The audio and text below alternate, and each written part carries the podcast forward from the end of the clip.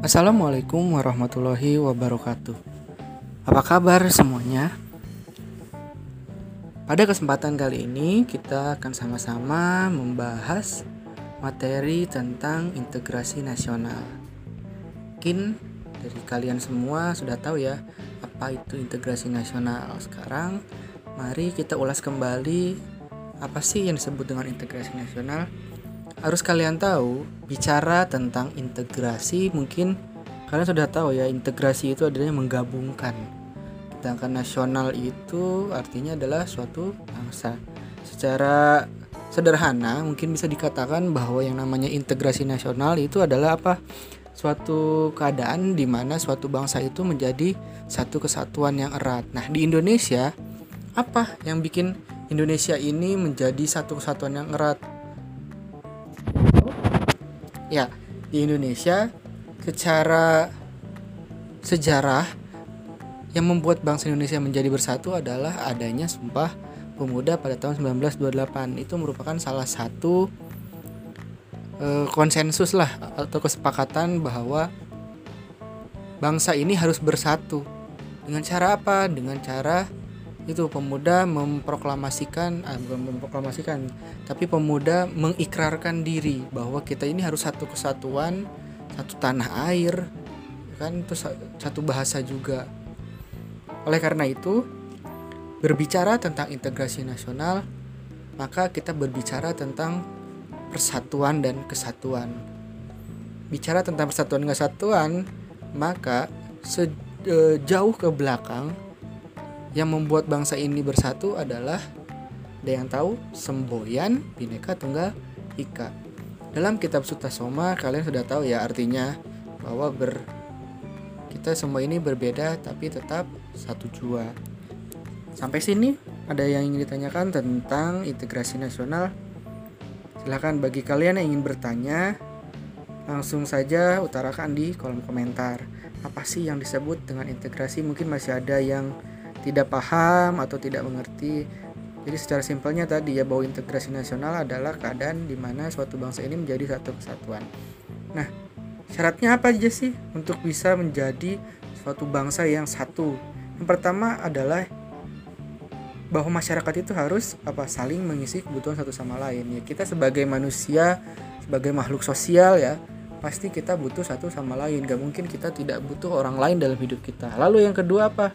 Adanya kesepakatan tentang norma dan juga nilai-nilai sosial yang dijadikan pedoman atau adanya suatu aturan. Tanpa adanya aturan, ya suatu negara tidak akan bersatu. Jadi orang-orang itu akan bertindak semaunya. Lalu yang terakhir adalah adanya norma-norma dan nilai sosial yang dijadikan aturan baku. Nah, tadi apa bedanya dengan yang kedua tadi? Yang ketiga ini maksudnya apa? Maksudnya setelah ada aturan maka harus ada hukumannya kalau ada yang melanggar. Jadi ada aturan dan juga ada sanksi. Ada tata cara, ibaratnya ada tata caranya lalu ada hukumannya. Apa yang membuat e, orang jerah kalau kita tidak bersatu. Sampai sini ada yang ingin ditanyakan tentang syarat integrasi? Tadi ada tiga ya bahwa manusia harus sadar bahwa kita ini membutuhkan satu sama lain satu sama lain. Lalu adanya aturan atau tata cara dalam kehidupan. Lalu yang berikutnya adalah adanya hukuman atau sanksi lah yang diberikan kepada mereka yang melanggar. Lalu seperti yang kita ketahui di Indonesia ini merupakan negara yang plural atau negara yang beragam. Ada berbagai macam suku, berbagai macam budaya di sana, ada berbagai macam agama juga di sana. Nah, dengan adanya plural ini ataupun ke kemajemukan di Indonesia ini, maka harus ada yang namanya sesuatu hal yang mempersatukan bangsa Indonesia. Oleh karena itu, akhirnya pada masa itu pemerintah Indonesia mencetuskan yang namanya semboyan yang diutarak, oh, diutarakan oleh uh, Empu Tantular waktu itu menjadi suatu semboyan. Artinya apa? Menjadi suatu kekuatan bangsa Indonesia bahwa bineka tunggal ika kita ini berbeda-beda tapi meskipun berbeda kita tetap satu jua nah bicara tentang berbeda berbeda menjadi satu ada apa aja sih faktor-faktornya yang membuat eh, bangsa Indonesia ini ataupun suatu negara itu bisa menjadi suatu kesatuan ataupun terintegrasi yang pertama tentu adanya rasa senasib dan seperjuangan Indonesia merupakan negara yang apa ya hasil dari jajahan Belanda. Kita tahu Timur Timur lepas karena kita tidak memiliki sejarah ataupun latar belakang sejarah yang sama. Pada masa zaman Perang Dunia Kedua, Timor Leste waktu itu dijajah oleh Portugis. Oleh karena itu akhirnya Timur Timur ataupun Timor Leste ingin memisahkan diri dengan melakukan referendum diizinkan oleh pemerintah Indonesia pada masa itu. Karena apa? Karena secara garis sejarah Timur Timur tidak dijajah oleh Belanda tapi oleh Portugal atau Portugis. Sehingga saat ini negara Indonesia adalah negara-negara hasil jajahan dari Belanda. Lalu yang kedua adanya ideologi nasional yang tercermin dalam suatu simbol negara yaitu apa Garuda Pancasila dan juga semboyan Bhinneka Tunggal Ika. Kayak kalau ini nggak usah dijelasin ya. Tentu dengan adanya Garuda Pancasila dan juga semboyan Bhinneka Tunggal Ika ini kita akan menjadi satu negara yang satu. Kalau kita sadar bahwa ini tuh gak cuman semboyan tapi hal yang harus kita sadari dan kita implementasikan dalam kehidupan kita bahwa kita ini semua berbeda tapi tetap aja kita ini satu negara ya kan satu bangsa jadi jangan pernah ada yang menganggap bahwa kami mayoritas maka kami berhak melakukan apa yang kami inginkan. Itu nggak boleh. Lalu yang ketiga adanya tekad dan keinginan untuk bersatu. Contohnya apa? Tekad dan keinginan bersatu? Contohnya adalah dengan adanya sumpah pemuda. Itu salah satu contoh. Keinginan dengan keinginan kita untuk bersatu merupakan satu dorongan yang membuat negara ini mampu bertahan hingga saat ini. Tanpa adanya tekad ataupun keinginan kita untuk bersatu, maka hancurlah sudah. Lalu berikutnya yang keempat, adanya ancaman dari luar yang menyebabkan munculnya semangat nasionalisme. Nah, ini pernah kita alami ketika waktu itu Malaysia mengaku bahwa batik dan juga beberapa kebudayaan lain seperti Rio Ponorogo, terus kemudian rendang dan lain sebagainya hingga ke angklung diakui sebagai budaya mereka. Saat itu langsunglah muncul reaksi-reaksi dari e, bangsa Indonesia bahwa e, ini budaya kami gitu loh. Ini kekayaan bangsa kami. Kenapa Anda mengakui? Nah, itu salah satu contoh yang bisa membuat atau membangkitkan rasa persatuan dan kesatuan. Lalu yang kelima adanya penggunaan bahasa Indonesia. Tadi dengan Sumpah Pemuda kita kan sudah tahu bahwa kita berbahasa yang satu yaitu bahasa Indonesia. Kalau kita tidak menggunakan bahasa Indonesia, mungkin kita tidak akan menjadi suatu bangsa yang e, bersatu. Contoh, Sunda dan Jawa. Mungkin di sini ada orang Sunda dan juga orang Jawa. Coba, ada yang tahu artinya gedang? Di bahasa Sunda artinya gedang adalah apa? Pepaya. Tapi kalau di bahasa Jawa artinya apa? pisang. Bayangkan satu kata berarti ganda. Kalau kita tidak pakai bahasa Indonesia. Tapi kalau pakai bahasa Indonesia kan tinggal bilang saya pak saya mau pisang. Coba kalau orang Sunda, Kang Punten, hoyong gedang, eh pisang lagi.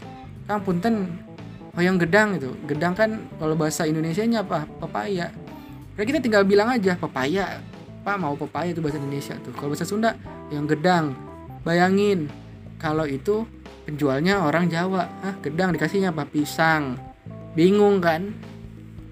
Ini pernah terjadi uh, sama istri saya. Istri saya itu kan dan saya juga itu orang Sunda. Jadi istri saya itu beli ke warung nih uh, bilang ke penjualnya bu ada kencu ada cikur gak nah, cikur tau kan cikur kalau orang Sunda mungkin tahu cikur itu adalah kencur kalau kebetulan penjualnya itu orang Jawa. Ah, langsung bingung hah? Cikur ah bingung dong.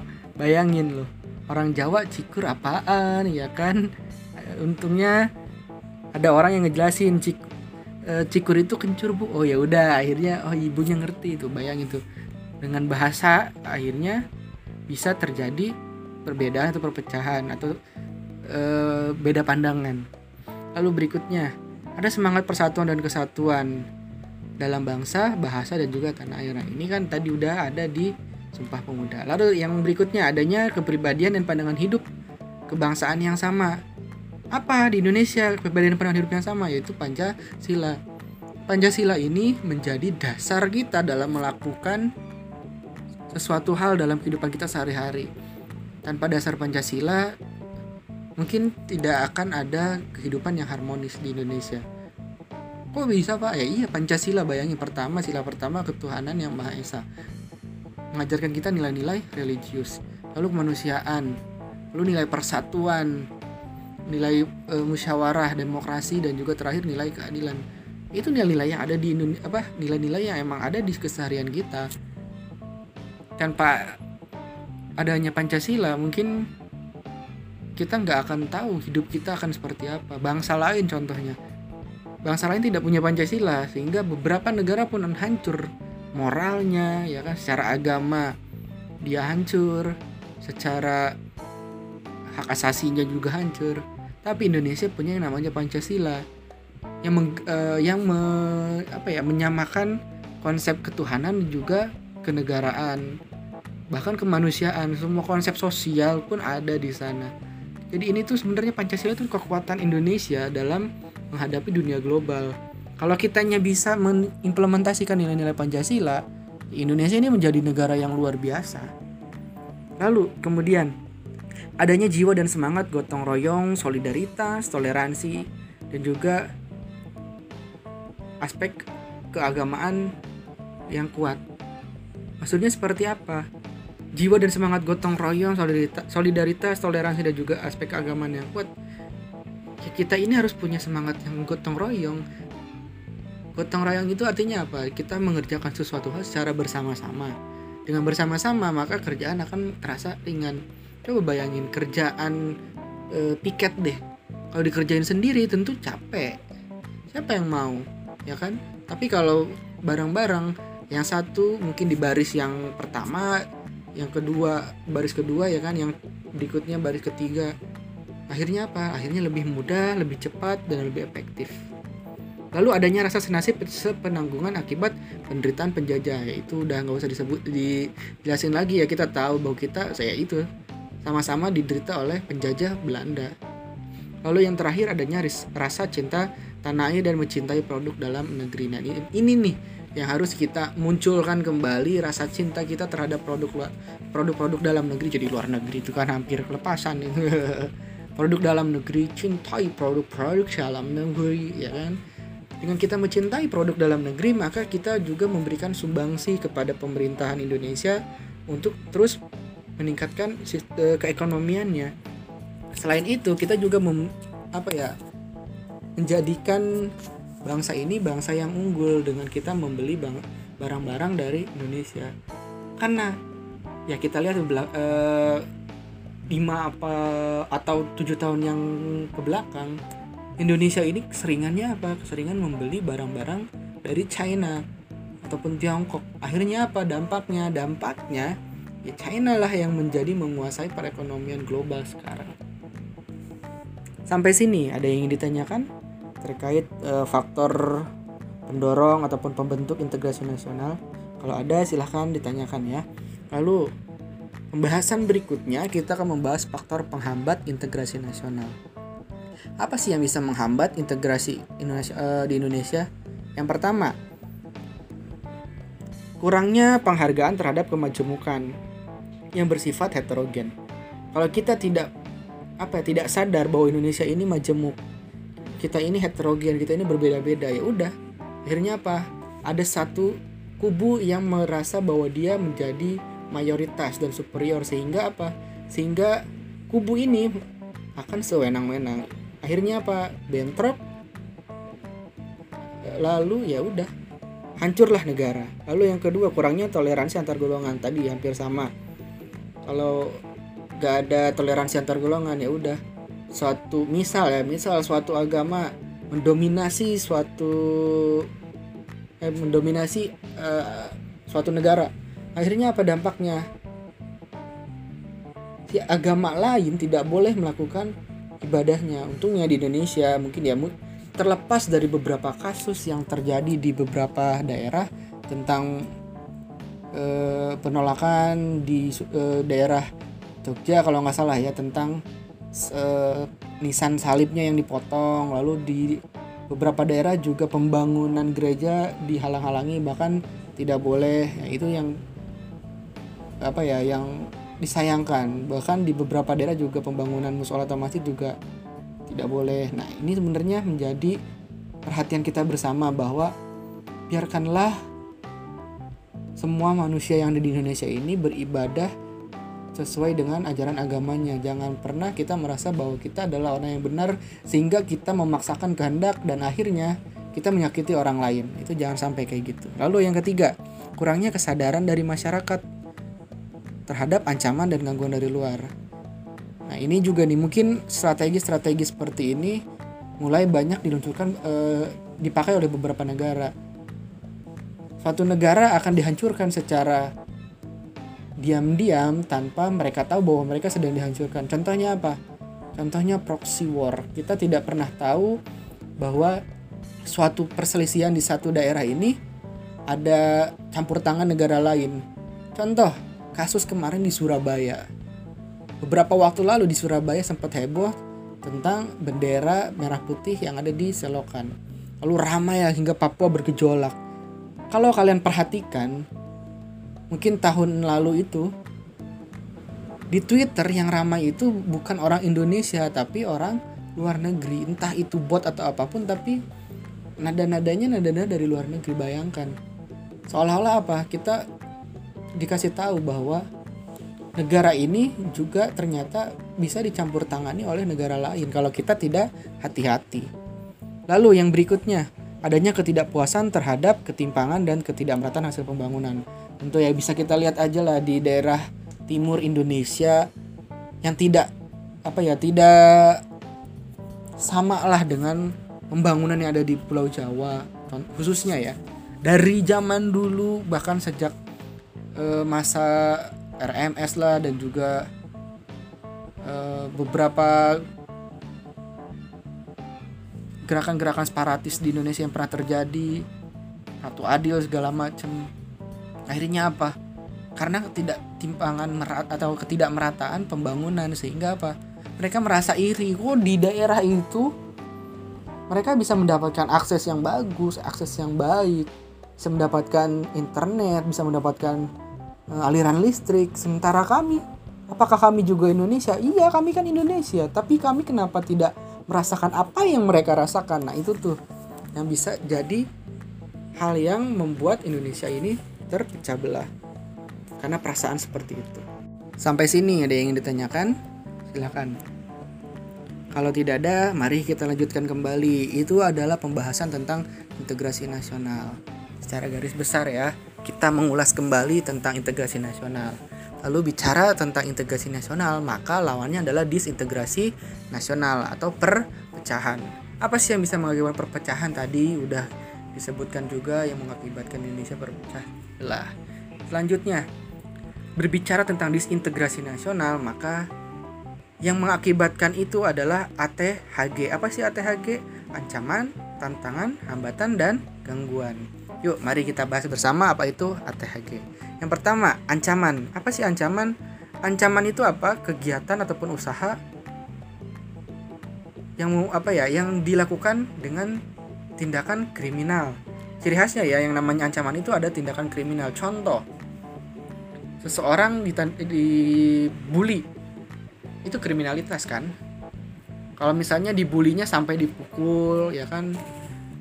kemudian sampai ditampar itu udah kriminalitas karena dilakukan tanpa izin dan juga tidak memperhatikan nilai-nilai kemanusiaan itu ancaman intinya ya ancaman itu adalah kegiatan mempengaruhi orang lain dengan cara tindakan kriminal. Lalu ancaman apa sih yang muncul di Indonesia? Ada dua, ancaman militer dan non militer. Ancaman militer pun ada dua lagi yaitu dalam dan luar negeri. Ancaman militer ya dari katanya aja udah tahu ya ancaman militer artinya apa? Ancaman yang berasal dari militer atau dengan kekuatan bersenjata. Contohnya ancaman militer dari luar negeri. Silahkan dicatat ya atau mungkin kalian bisa dicek kembali catatan di kelas 10 kalian. Yang pertama adanya agresi. Apa itu agresi? Menyerang negara lain atau penjajahan lah bisa dibilang. Yang kedua, pelanggaran wilayah. Misal ada suatu negara mengirim ataupun nelayannya lah simpelnya. Kita sering lihat nelayan-nelayan dari negara luar masuk ke wilayah Indonesia tanpa izin itu termasuk pelanggaran wilayah, ancaman. Lalu ancaman militernya apa? Ya mereka pasti ada dekingan kan nelayan-nelayan ini. Bahkan beberapa juga pesawat militer dari luar pun ya kan ataupun perahu perahu-perahu militer dari luar masuk tanpa izin ke Indonesia. Lalu spionase atau mata-mata eh, ini nggak usah dikasih tahu ya. Contohnya apa? Orang yang ditugaskan oleh suatu negara untuk memata-matai negara lain untuk mencari tahu strategi-strategi apa yang akan dia lakukan dalam berperang. Contohnya apa? Ya Mission Impossible ya kan? James Bond itu contoh-contohnya spionase atau mata-mata. Bisa juga yang beberapa tahun ke belakang yaitu disadapnya handphone Pak SBY oleh Australia. Itu sempat ramai itu. Salah satu contoh spionase. Lalu sabotase sabotase apa? Misal dalam perang kita uh, di perang misal di apa ya perang timur di Asia Timur. Eh Asia Timur lagi. Perang di uh, Timur Tengah. Susah banget ngomong. Perang di Timur Tengah. Waktu itu yang dipakai apa? Strateginya strateginya yang dilakukan adalah menyerang langsung ke pusat-pusat senjata. ISIS, ya kan? Untuk melumpuhkan ISIS yang dilakukan apa? Menyerang langsung ke pusat-pusat militernya termasuk Iran sama beberapa negara ya kan yang diserang apa pusat-pusat militernya pusat-pusat senjatanya supaya apa sabotase lah supaya dia tidak bisa melakukan e, perperangan dengan baik. Lalu aksi teror dari jaringan internasional ya iyalah. Siapa sih yang sekarang nggak tahu aksi terorisme ya kan 9/11 beberapa aksi teroris lainnya yang di Inggris. Lalu kemudian yang di Australia juga. Wah, itu udah banyak deh. Itu salah satu contoh ancaman militer dari luar. Kalau dari dalam negeri apa aja?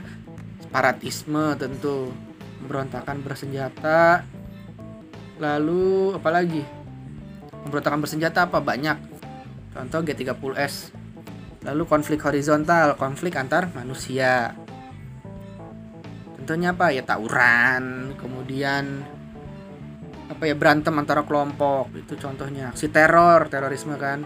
Sabotase sabotase juga bisa dari dalam negeri sendiri.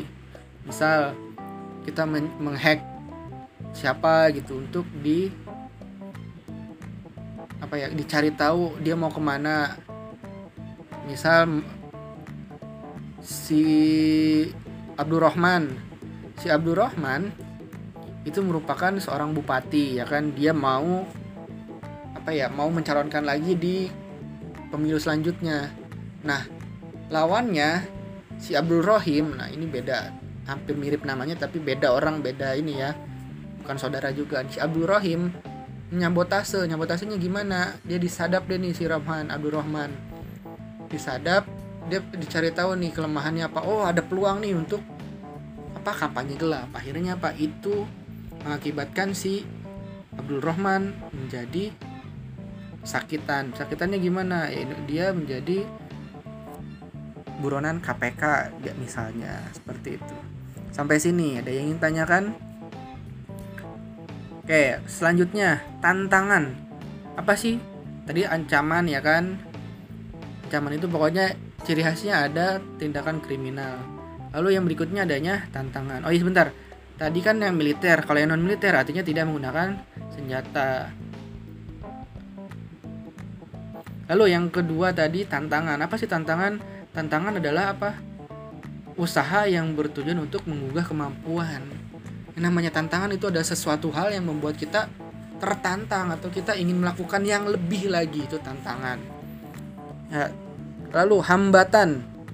Hambatan adalah usaha yang berasal dari diri sendiri untuk menghalang-halangi kita melakukan sesuatu itu hambatan. Lalu yang namanya gangguan, usaha yang berasal dari luar yang membuat kita atau menghalangi halangi menghalang-halangi kita. Tuh. Saya ulangi, secara singkat yang namanya ancaman intinya ada tindakan kriminal. Lalu tantangan adalah hal yang membuat kita menjadi terpacu untuk melakukan sesuatu hal lebih baik. Kalau hambatan itu ada dari dalam diri sendiri. Misal kamu malas itu hambatan. Lalu gangguan, apa gangguan? Yang dari luar. Contohnya apa gangguan? Misal kamu sedang belajar tiba-tiba mati listrik. Nah, itu gangguan. Kalau hambatan, lagi belajar, aduh males nih, tiduran dulu. Nah, itu hambatan berasal dari dalam diri sendiri. Sampai sini, ada yang ingin ditanyakan? Silakan bagi kalian yang ingin bertanya. Kalau tidak ada, mari kita lanjutkan. Membahas tentang ancaman. Tadi kita sudah tahu ancaman militer, ya kan? adanya apa tadi? Spionase teroris. Contoh-contohnya apa? Tidak perlu dijelaskan. Sekarang ancaman non militer ancaman non militer itu dari apa aja sih? Ancaman non militer ada di bidang ipolek sosbud hankam eh hankam gak usah lah berarti ipolek sosbud bahkan IT mungkin bisa sekarang rame kan ancaman non militer uh, I, I-nya itu adalah ideologi. Ya kita tahu adanya paham yang berbeda dengan yang kita anut sekarang, paham Pancasila. Apa contohnya? Ya komunisme, liberalisme itu contohnya ancaman itu. Lalu di bidang pol politik. Ancamannya apa di bidang politik? Adanya apa? Kerusuhan, lalu adanya ada apa lagi? Adanya misal mandat. Mandat itu bukan mandat, apa sih namanya? kalau kita ingin menjatuhkan pemerintahan yang resmi itu apa namanya ah lupa saya jadinya itulah pokoknya yang ingin menjatuhkan eh, pemerintahan yang sah sehingga orang si penguasa itu tahtanya menjadi turun ataupun tidak lagi menjabat sebagai kepala pemerintahan atau kepala negara. Lalu di bidang ekonomi ancamannya apa banyak? Hedon ya kan. Lalu apalagi Tahu kan hedon ya kan, hura-hura itu banyak. Lalu tidak mencintai produk lokal. Contoh ancaman ekonomi dan lain sebagainya lah pasti kalian tahu. Lalu sosial budaya. Ancamannya apa? Wah, ini banyak banget nih karena globalisasi apalagi. Kita udah mulai bertingkah ke barat-baratan atau westernisasi. Lalu di bidang teknologi dan informasi. Contohnya apa ancamannya? wah apalagi sekarang banyak phishing ya kan habis kena saya tuh karena phishing jadinya apa kena virus ransomware ya kan ditagi 14 jutaan ah ngapain gue nungguin aja ada des apa dekriptornya nah itu contoh beberapa kejahatan di bidang teknologi informasi ataupun tadi semuanya Ipolek, Sosbud, Hankam. Silahkan kalian bisa cari lebih jauh hal-hal yang menyangkut tentang ancaman di bidang Ipolek Sosbud Hankam. Sampai sini silahkan bagi kalian yang ingin bertanya jangan sungkan-sungkan tuliskan saja di kolom komentar. Kalau tidak ada yang ingin bertanya, saya akhiri. Wabillahi taufiq wal hidayah. Wassalamualaikum warahmatullahi wabarakatuh. Sampai ketemu lagi di materi kita yang selanjutnya.